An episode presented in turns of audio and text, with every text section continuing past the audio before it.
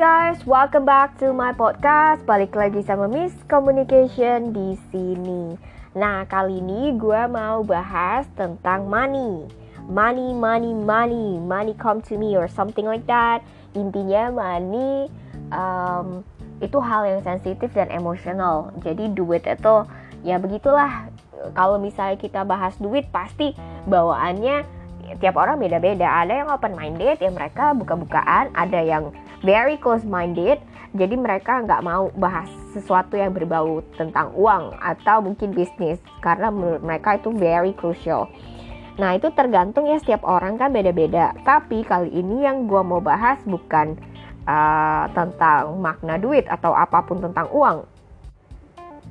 Lebih kepada tentang um, bagaimana sih biar kita itu bisa memanage uang kita. Karena kebanyakan dari kita itu ya udah let it flow aja. Uang masuk ya keluar uang masuk ya keluar. Ini hal yang paling gua sesali ketika gua dulu um, pertama kali kerja gua nggak prepare untuk uh, saving the money. Yang gua prepare ya udah yang penting gua cukup untuk membiayai hidup setiap bulannya. Jadi uang itu masuk dan keluar gitu. Ya ya ya ini yang bener-bener perlu di di apa namanya diwaspadai karena yang kita mau itu kita bisa mengatur keuangan kita dengan baik. Hati-hati karena uang ini kalau kita tidak bisa keep it uh, very much itu ya bakal masuk dan keluar dengan mudah gitu. Makanya waktu kalau misalnya gue datang ke seminarnya Situng semua ini dia selalu mindset kan money bukan easy comes easy go, tapi money easy comes easy grow gitu. Nah, itu udah mindset yang dua dua hal mindset yang benar-benar berbeda. Yang satu ya money isi come isi go, yang satu money isi come isi go. Nah, itu dia yang benar-benar um, apa bisa jadi masukan buat kita biar kita itu bener uh, lebih kepada memanfaatkan uang itu dengan hati-hati bukan berarti dengan pelit ya.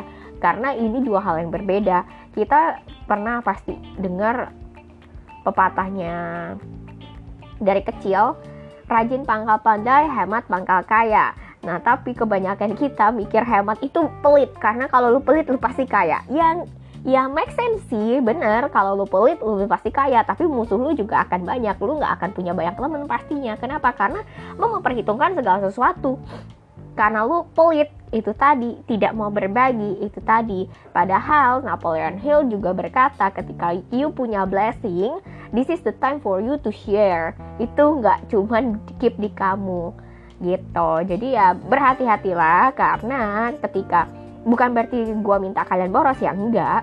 Tapi lebih kepada hemat di sini bener-bener dibudgeting untuk segala sesuatu.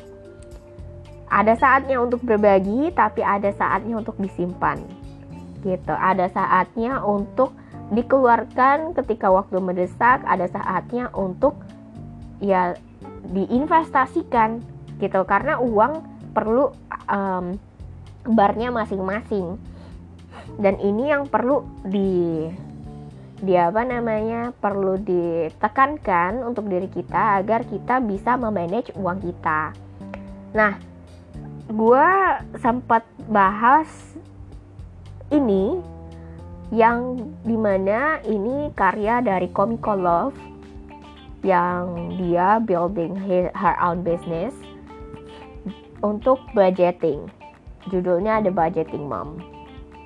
Dia adalah seorang mom dan dia uh, menemukan ini ketika dia uh, ya itu punya banyak hutang tapi pengeluaran dia kok begitu-begitu aja gitu. Intinya dia bisa menemukan sesuatu untuk dia survive bahkan dia bisa beli rumah sendiri dengan cash without mortgage tidak ada kredit hutang dan tidak ada hutang pastinya karena dia sudah memaintain itu semua.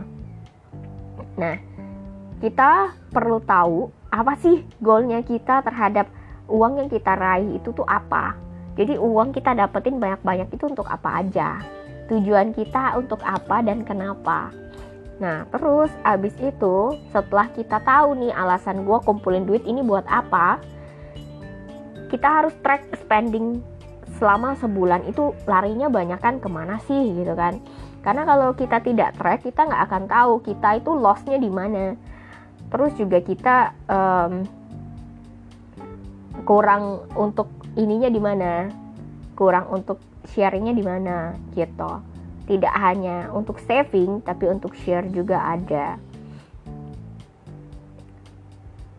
intinya kuncinya sukses dan nilai yang kita dapatkan termasuk ke uang sekalipun itu tuh mendefinisikan tentang diri kita, seberapa borosnya kita, ke mana uang kita itu pergi, terus juga ya udah intinya uang kamu ya ya ya peraturan kamu. Jangan sampai ada orang ikut campur untuk kotak atik uang kamu. Kenapa? Karena itu akan jadi failure buat diri kita kan ini uang kita jadi kita yang harus maintain kita yang harus cari tahu ke mana uang ini pergi dan why dan kita propose cari uang itu apa.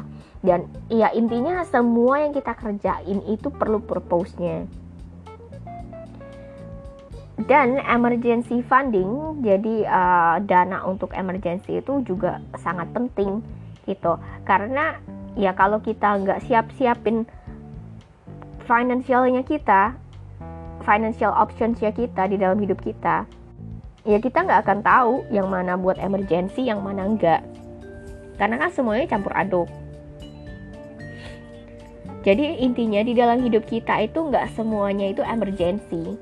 Emergency yang benar-benar emergency kayak kita ke restoran kita mau beli makan kita ngelihat ini enak itu enak jadi semuanya dipesan. Padahal kita nggak terlalu butuh semua itu. Kita cukup beli makanan secukupnya makan makanan secukupnya dan ya udah eh, uh, usah terlalu wah cukup sederhana aja yang paling penting kita bisa membudgeting itu semua.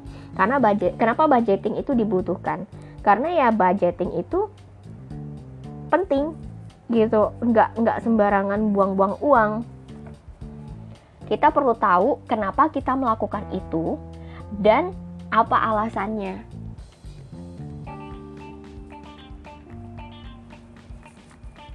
Jadi nggak asal sembarang melakukan.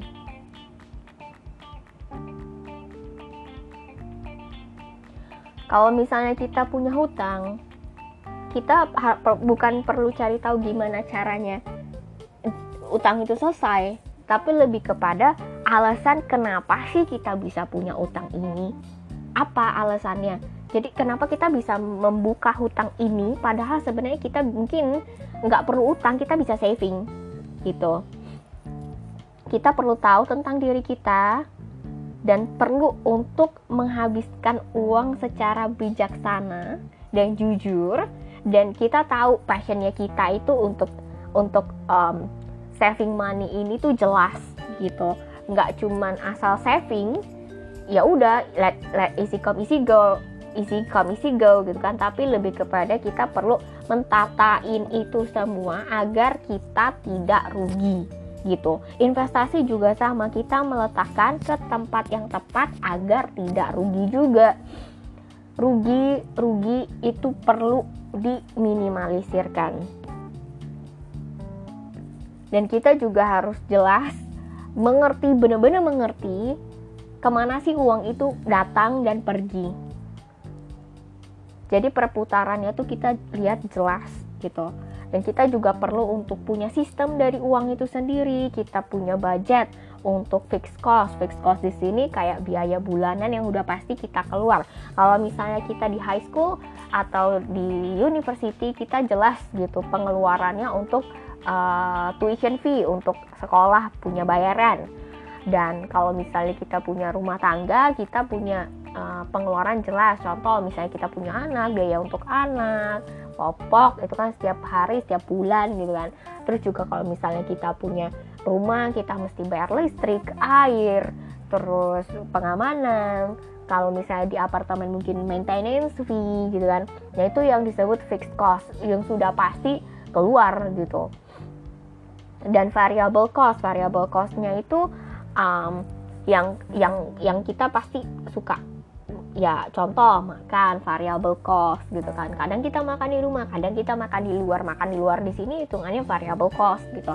Karena makan di luar pun kan rate-nya bisa beda-beda beda-beda gitu. 30 50 100 gitu kan. Tergantung kita ada promo atau enggak seberapa banyak kita belinya. Nah, gue mau um, kasih info juga buat teman-teman sekalian di sini. Buat yang suka jajan, terutama ke minimarket. Hmm, hati-hati di sini. Kenapa? Karena lebih baik kita beli apa yang kita butuhkan aja. Terkadang kita ke supermarket atau minimarket itu kita ambil ambil ambil ambil padahal nggak terlalu butuh-butuh banget gitu kan. Nah, di sini yang perlu kita kontrol untuk budgetingnya. Ke minimarket biasa habis berapa, sebulan habis berapa, sebanyak apa atau makan sebanyak apa. Nah, itu hati-hati banget. Gua ya, gue pernah bikin uh, report gua selama setahun waktu gua kerja itu uang gue hampir setengahnya lari ke makanan semua. Gue boros banget makan di luar which is makan di restoran. Nah itu nggak tahu ya kenapa gue mau beli beli beli mungkin karena kepuasan tersendiri padahal mungkin gue bosen juga makan di luar gitu loh. Tapi ya, ya pengen aja makan belanja gitu nah itu yang penyakit yang bener-bener um, perlu dikurangi sebanyak mungkin gitu. Kenapa? Karena dengan begitu ya kita ya menghabiskan uang itu secara cuma-cuma. Intinya kita memberi memberi bayaran ke orang lain aja bukan ke diri sendiri kan. And that's why it's very important to calculate your monthly cost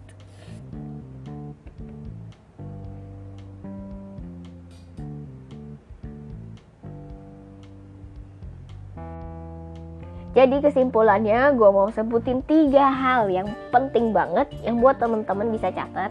Yang pertama, lihat kembali flow-nya kita, perputaran uangnya kita selama satu bulan itu larinya ke mana dan bisa nggak kita kontrol itu jadi misalnya kayak gua tadi kelebihan dimakan di luar gitu kan hampir semua hampir setengahnya uang gua per bulan itu habis untuk hanya makan di luar dan ongkos dan segala macam jadi ya udah begitu juga gitu kan. Nah bisa nggak kita minimize itu untuk nggak makan di luar tapi lebih kepada makan di rumah gitu kan? Yang lebih bergizi uangnya dilariin ke buah-buahan makanan sehat atau makanan dari rumah yang notabene pastinya lebih murah. Bisa nggak dilariin ke situ? Terus abis itu kita lihat lagi uang itu perputarannya di mana yang banyak dan dimasukin ke kolom investasi misalnya yang kedua, make a budget for your fixed outgoing cost. Jadi kita punya budget nih selama satu bulan kita fix fix costnya itu ke mana aja. Terus variable costnya kita perlu uh, budgeting gitu kan. Misalnya untuk makanan di luar sehari nggak boleh lebih dari berapa gitu. Dan saving cost, saving cost di sini ini fix cost maksudnya termasuk salah satu fix cost tapi bukan fix cost keluar tapi fix cost save gitu kan. Saving kita mau nabung per bulan berapa dan ini nggak boleh disentuh misalnya atau teman-teman yang punya asuransi ya udah itu asuransi itu termasuk fixed cost tapi ke saving cost yang ketiga, try to make more income after you control your money budget. Jadi kalau udah kita lihat nih perputaran uangnya kita begitu, kita bisa nabung segimana, kita bisa hemat untuk tahan tahan uh, makan atau seperti apa bagaimana terus abis itu ya udah kita cari cara gimana sih biar dapat income tambahan untuk uh, kita sehari-hari biar bisa biar bisa naikin variable costnya. Atau kita bisa saving cost untuk liburan sinking sinking fund. Sinking fund di sini ya termasuk saving tapi lebih kepada sinking itu lebih kepada untuk event-event tertentu yang mungkin kita akan keluarin keluarin uang lebih untuk berbagi. Contoh nih kalau misalnya um, dalam satu tahun kita ada Natal, ada hari Lebaran, ada hari uh, Chinese New Year itu berbagi juga kan. Terus juga masih banyak lagi hal yang lainnya lebaran-lebaran gitu yang di mana kita wajib atau uh, ya wajib untuk berbagi. Nah di situ kita masukinnya ke sinking fund, jadi nggak sentuh ke saving cost. Jadi kita ada emergency fund, ada sinking fund, ada saving cost gitu kan. Di mana tiga hal ini yang perlu dimasukin ke uh, kolom-kolomnya masing-masing. Jadi kalau kita butuh kita bisa ambil itu uang di tempat yang tepat tanpa harus mengganggu yang fixed cost tadi sama variable costnya tadi. Oke, okay, gue harap ini um, bisa menjadi benefit buat teman-teman sekalian. Jangan lupa money is important, but more important is kamu tahu tentang diri kamu, nilai kamu, dan bagaimana kamu mengontrol emosi agar tidak menghabiskan uang kamu sepenuhnya. Jadi kamu uh, cukup gitu, merasa cukup dengan apa yang ada dan udah merasa cukup. Thank you so much untuk Komiko Love uh, yang sudah berbagi dalam bukunya berjudul The Budgeting Mom. Dan gue harap teman-teman di sini uh, tetap care about your money very much important thing is kita harus spare money in the right place dan itu perlu banget buat kita pelajari namanya nilai kehidupan itu ya emang harus ada seperti itu gitu. Okay, I hope you have a very great day and have a nice day.